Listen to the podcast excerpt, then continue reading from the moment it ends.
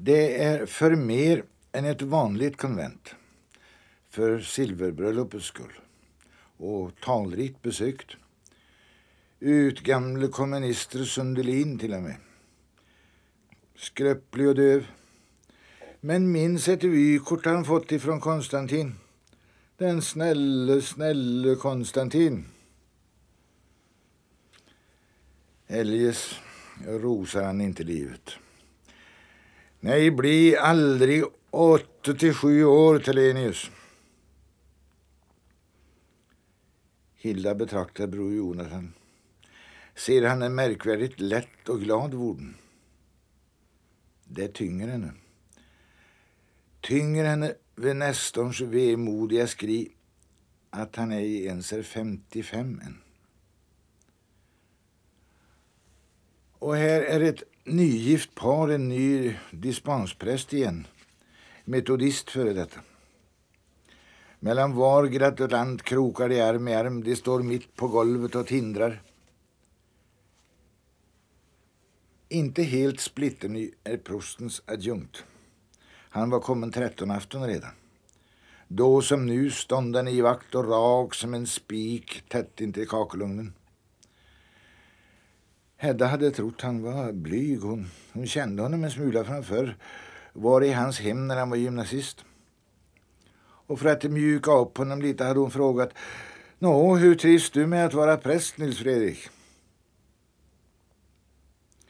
Och hon beskrev att läpparna hans var tjocka som en negers. Men ja, men fick han ihop dem till ett näbb. Icke trivs man med att vara präst.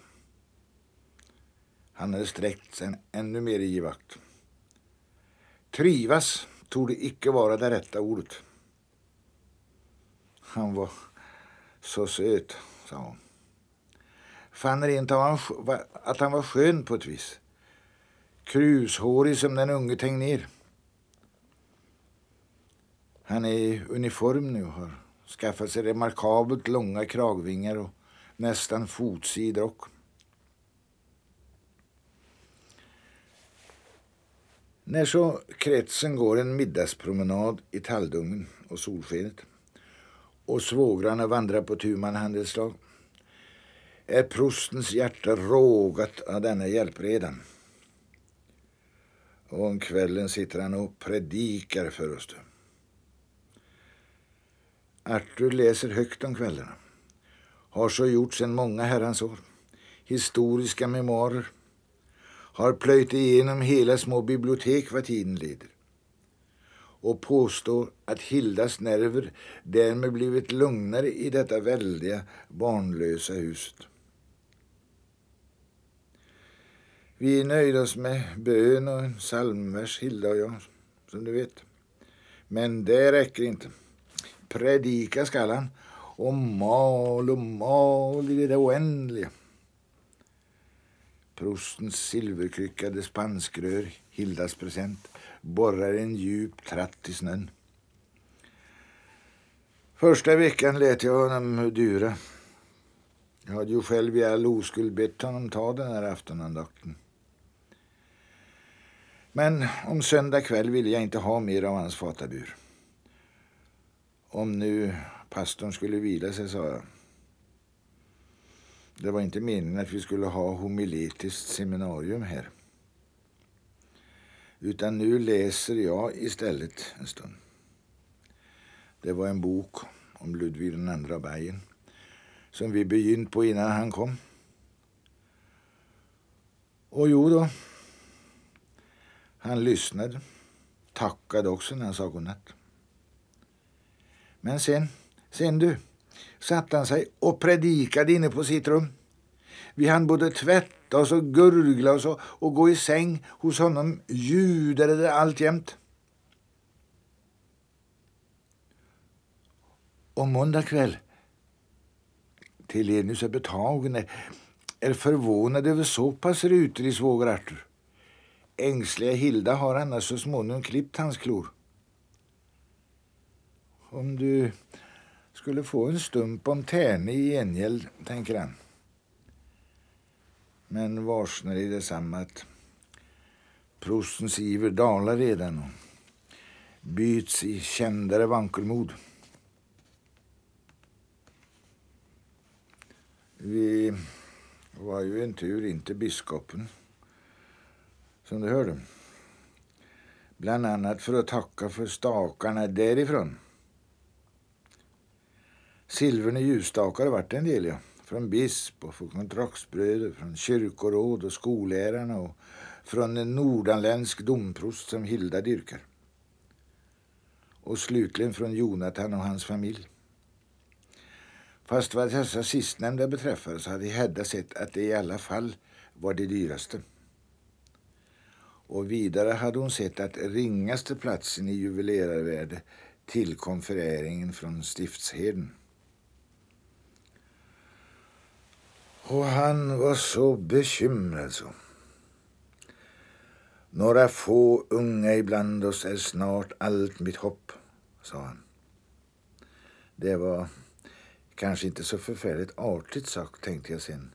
Rätt i ansiktet på en gammal kontraktsprost. Men om och om igen talte om dessa unga och, och att en av dem var min adjunkt begrep jag inte. Vi ska bära över med deras kantigheter, sa han. Och kantig kan vi tryggt säga att min är. Vårda oss om deras stränghet skulle vi göra. Prästhemmen, sa han. Prästhemmen behöver denna strängheten. Prosten kurer under höga furugrenar. Så han får hållas homiletiken min och ska få ha kantigheterna kvar. En gång flyttar väl domkapitlet på honom. Det är inte möjligt att låta en sån skatt bli här längre än högst nödvändigt. Till sommaren, han nämner säga att, att till sommaren vill han då hellre vara ensam igen. Men å andra sidan är han lat och synnerligast sommartid. Därför lämnar han adjunktsspörsmålet öppet. Han förtäljer istället om återstoden av biskopens beträngda utsikter. Och utom ungdomarna var, var naturligtvis det dispenserade igen. Han väntar sig ständigt samma underverk av dem. Det är ett älsklingstema hos svåger Arthur. Jonathan brukar vara ensatt att biskopen far efter irrbloss på den vägen. Tvåfalt nyvigde metodisten plus maka ger för andra gången en sorts kor bort vid trappgaveln där kretsen nu smått omsänder stampar snön av galoscher och pampuscher och prosten märker ända hit reflexer av biskopligt välbehag. Märker hur beredvilligt munnarna snörps till de allra som huldaste leenden, både på pastorskor och kyrkoherdefruar. Märker hur gott metodisten mår. Hur hullet och guldplomberna skiner. Tycker du den där ser ut som en brand i Israel till exempel? Och Telenius tycker visserligen inte det. Men eh, eljest att turturduvorna här vid trappan lyser upp i samlingen här, det, det har jag tyckt hela dagen, säger han. Arthur sneglar som hastigast på honom och tar sin ögon tillbaka och går och betänker Hildas kommission. Först och främst skulle den varit uträttad medan promenaden varade. Men han gitter inte. Visste förresten alla redan när hon planlade den att, att orden skulle fastna honom i halsen.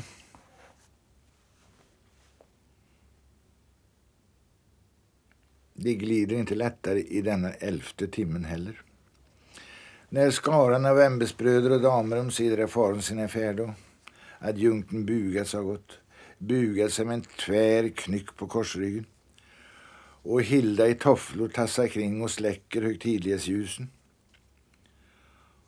Och det är tyst efter dagslånga sålet och spisningen.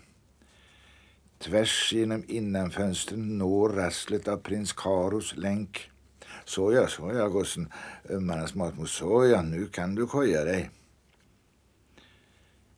Med make och broder har hon däremot ingen liknande misskund. Hon sätter fart och ordnar runt dem, tömmer askkoppar, puffar upp kuddar. Det är förträffligt, tänker hon, att Jonathan ej stämt hit arrendatorn förrän midnatt. Men så vill hon också att stunden ska nyttjas så tjänligt som skickelsen tydligt bestämt. Och brädspelet flyttar hon för säkerhets skull undan i en vrå. Dock oavlåtligen gungar sig prosten i stolen. Oavlåtligt är han stum. Är ej mer lysten på någon slags moralisk holmgång med svåger Telenius än han tillförne varit. Historien om Byström och Norfält föreslog Hilda såsom en lämplig inledning. Vid detta laget har han nog hört dem redan, tänker han. Och i vilket fall som helst, han begriper allt framgent inte vad det är i dem som faktiskt påminner om Jonathan. Vad har du egentligen för fast mark under fötterna i dessa inbildningar om bror din? Har prosten både tänkt och sport.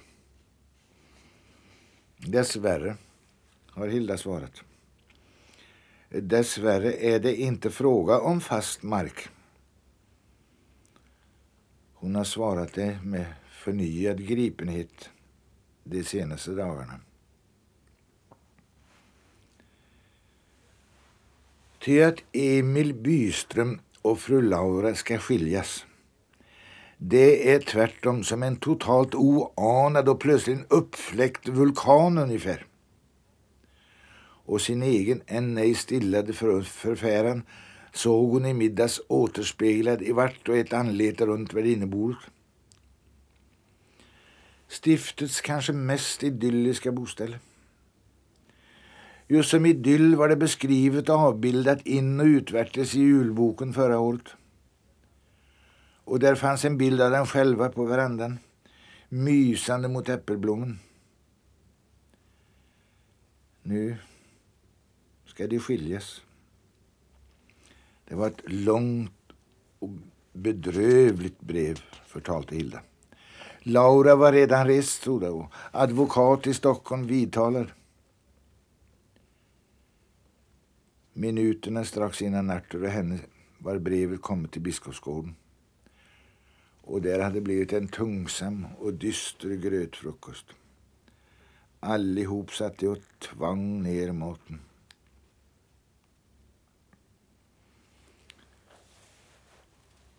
Från Olle Peter Norfelt till Jonathan Telenius. Ingen vet bättre än Hilda att det är ett ansenligt steg. Men ingen vill heller mindre än hon att det ska bli eller synas kortare. Sen barnsben har hon haft henne sin enda bror på piedestal. Han får inte bli den tredje onda historien. Efter Byström efter Norfält. Och ändå, trots räddhågan och trots den all, halva vissheten att nu kliver han i alla fall ner, resonerar hon med sig själv. Jag får inte gå burdust tillväga, tänker hon. Nej, hon ska fara listeligen fram. Hon ska hålla sig strikt vid Norfält inte alls göra en direkt hänsyftning på tösen bort till Jonathans prästgård. Hon ska göra som biskopinnan gjorde. Slösa medlidande på Nordfältstackaren. Säga att när man har det så ställt som han. Och först därefter skall hon måla tavlan full av det komiska i en gammal mans kärleksvägar. Och Jonathan är som hon, kritisk av naturen, gudskelov.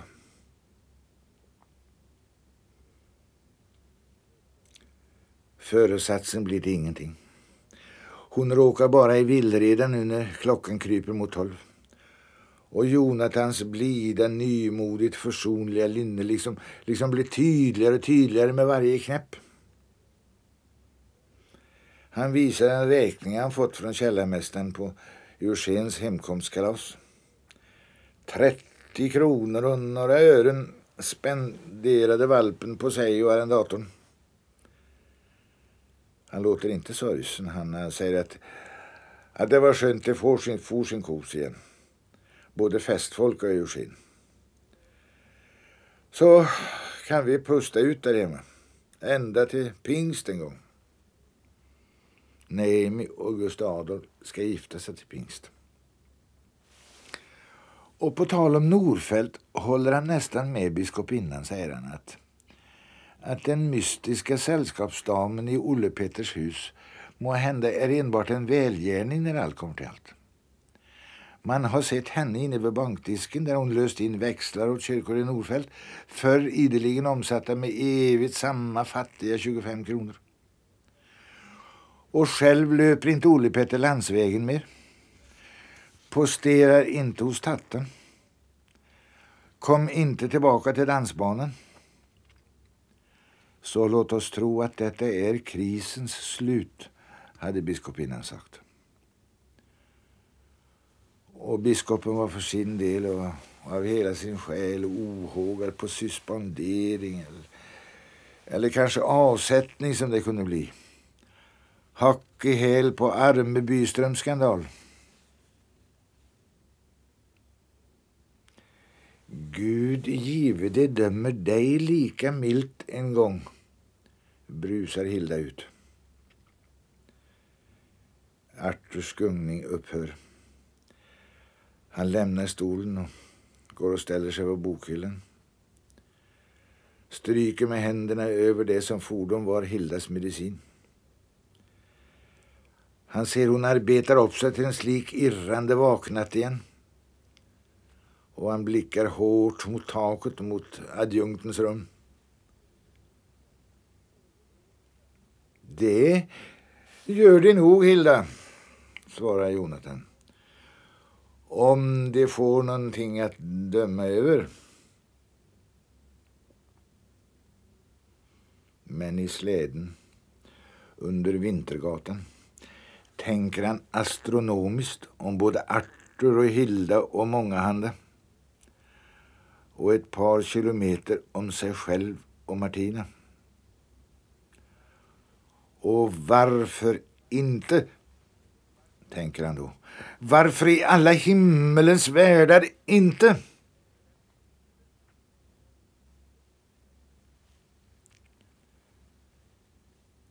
Sker följande. Och han har visst fyllt 15 år räknade ut men, men han är nätt och jämnt sluppen ur fortsättningsskolan. Och han har inte gått och läst den. Den andra är nya pigan hos fattigkassön. Främmande på trakten kom men Gud vet riktigt varifrån. Hennes husbonde har bytt kvinnfolk tätt en tid. Och man har förstått att en och annan lät honom till såna, såna som ingenstans sopar undan nävarna. Dock ledsnade snart även det. Och nu hade han som sagt införskaffat utsocknes boleri. Hade kostat annons på juvelen. Emellertid skall hon bort, upprepas det efter kyrkoheden. Fattiga sön har i förstningen inte sitt svar klart. Inte hela svaret. Han delar på det. Jag är också enkeman, säger han och välter huvudet åt prästgården till. Lika mycket enkeman som... Totalt oförmodat har han gråten i halsen. Han är inte ensam han och, och jag vill förbanne mig inte vara ensam jag heller. Och som för att bemästra sin rörelse dänger han skinnvanten björnramstungt i timmerstocken och stadfäster. Hon ska inte bort! Men smärtan och självmedlidandet övermannar honom. Så, så, så, gå nu gullig. Han smackar och rycker meningslöst i tömmarna ännu då lasset har fått fart nedför slänten.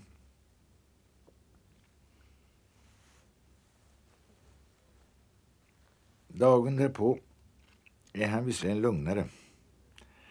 Han spelar martyr för den. I tycker väl jag sprattlar, säger han. Och att det inte anstår sig en gammal gubbkrocke. Han pressar en tår ur det ena sura ögat. En betrodd gammal gubbe. Han lägger sig öde för dem. Så ta då i Herrans namn ifrån med skrinet. Ta ifrån med de stora kuverterna. Men i faggorna på martyren och offerlammet smyger sig räven. Han låtsas tro att det står och gör någon större skillnad mellan honom och Telenius. Och så gör han den av egen drift, eh, går dem i möte. Underligt så, så olika det ska vara. Det är fattigfolk han har till lyssnare. Han, han ser de känner sig smickrade. Han, han ställer sig än mer som en utav deras flock. Nu är jag så arg så, så jag kan bestå knivkastning om det så ska vara med prästen. Och jag ger djävulen i hur det slutar. Han förevisar dem en brevlapp från Telenius av andemening att han inte längre är lämplig i barnavårdsnämnden. Jo, visst ska jag gå ur, skriker han. Och han flaggar med brevet. Jag ska gå från alltihop om man vill. Sen lutar han sig till ro mot Gulli, klappar henne under buken och, och mumlar. Jag är inte avsatt än. Och jag kommer på sammanträdet han som fredag. Jag kommer, det ska han få se. Men natt till fredag sjuknar han urinstämma. Och fredag morgon är pigan självmant försvunnen.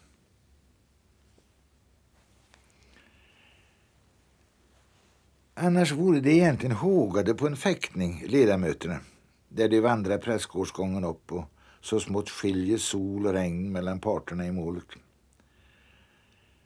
Det säger om Telenius att mm, en tämligt underlig griffel var han nog tidvis.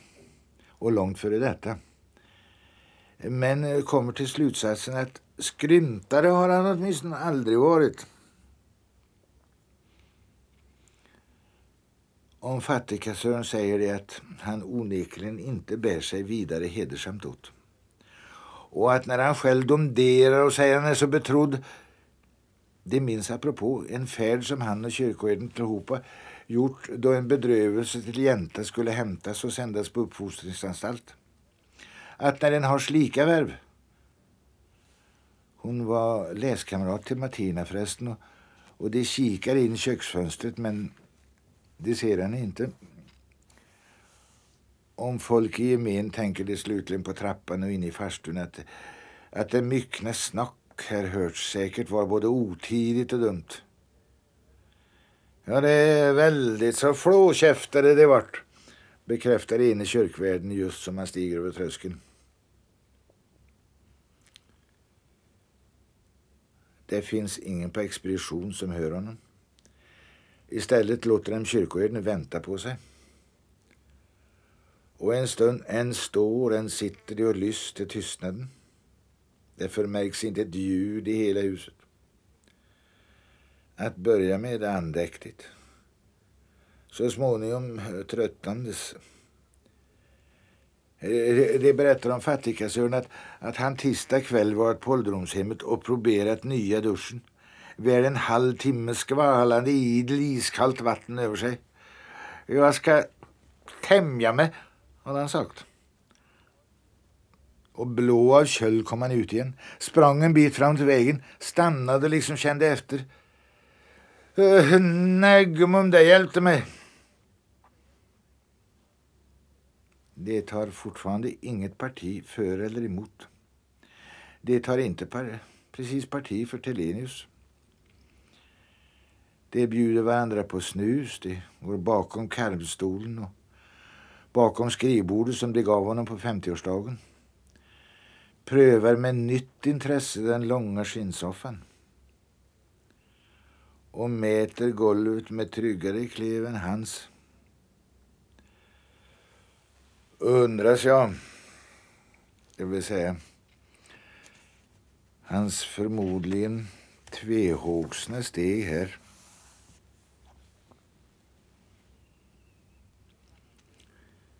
Sammanträdet är så vitt begynt när fattigkassören trots urinstämman och trots skammen klampar inom dörren och sätter sig hos den. Åden under hårfästet sväller och sväller av både plågan och farten och ilskan. Den snart alldeles vettlösa ilskan och då vet jag han blir rå. En av de bägge närmste försöker hejda honom medan tid är, sticker en näve innanför hans kavaj och nyper honom i rumpan. Resultatet är bara äggelse. Jag ska skriva efter henne, ger han som ett första besked. Jag ska ta henne tillbaka. Och sen flyttar hon inte, nej. Ena pupillen har blivit kattgrön. Det andra, det sura ögat, har gömt sig och blir blott ett hårigt streck. Och rösten ändrar sig när han frågar. Vad har de tagit om innan jag kom? Han stångar fram skallen och glor forskande och våghalsigt på kyrkoherden. Att vi tarvar pigkött. Nu är det för sent. Det ser att Helenius blir kritande vit. Både du och jag. Nästa sekund är kassören befalld att gå sin väg. Men eftersom han märker att han retat Martinas husbonde utom sig blir han själv sval igen och dröjer kvar. Gör sig min av att leta efter mössen. Och så frågar han vad i all världen de andra väntar på. Det begriper du väl, säger han, eh, att de helst bör troppa av nu. Det skruvar sig Egentligen ville de ha mer av denna teatern och, och bara av nödtvungen hövlighet och för att det i alla fall måste ta ett slut svarar den som nöp honom Gå, gå du nu först så, eh, så kommer nog vi.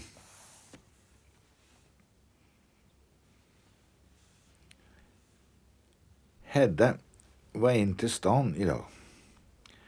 Rådfrågade doktorn för en torparfamilj från överst i socknen. Där väntar hustrun sitt femte barn. Det är inte fyra år sedan hon fick det första. Tål hon denna gången och så är det emellertid helt ovisst hur det ska gå gången därpå. Den sjätte gången. Barnmorskan har sagt att det inte borde, borde få bli någon sjätte gång annat än som direkt självmord. Och nu anar den utmagrade, uppsvällda skrotten att att det visst barkar åt graven. Och, och så kom hon ner och förtrodde sig att Hedda förliden vecka. Men vad ska en göra? hade hon sagt och stirrat i golvet. När en inte på villkorsvis kan få vara i fred. Och så blyg så hon blev eldröd över bekännelsen. Men ur dödsnöd talt hon ut om sitt elände. Mamsell kan aldrig tro vad för en gris han är. Kamp för livet för henne. För att stå, stanna kvar hos de fyra som så väl behöver henne än. Och hos den femte när det en gång är överståndet. Nu hade hon tänkt sig att Kanske läkarord skulle få mannen att ta reson när varken hon själv eller barnmorskan rår på honom. Doktorn är nykommen och det, är mest om honom Hedda vill berätta ifall Jonathan äntligen lyser upp så pass att han är mottaglig för en beskrivning. Torpakärringen är en sak, men eh, denne doktorn. Ja, allt för lusfattiga bondrular, fröken. Eh, dem skulle man naturligtvis sterilisera. Hon repeterade beundrande för Jonathan. Som har nog och över nog för idag av bönder och bönders leverne. Här finns tyvärr ingen steriliseringskassa här i socknen, ryter han smått. Men kanske blir vi nödda att skaffa oss en. Och plötsligt blir honom anblicken av Martina outhärdlig. Nej, nej, den nyttar till ingenting, säger han li likadant högröstat. Du ska inte stanna kvar längre i prästgården. Han ser hur blek hon blir. Ett slag tror han att hon ska falla handlöst i golvet. Han vrider ansiktet ifrån henne. Till Hedda. Hon är också blek. Och så är Martina sprungen sin kos. Hedda har varit ute i köket och tittat efter. Nu tar hon till patiensen och medan hon blandar korten nynnar hon eh, Det satte liten Karin i spiketunnan in.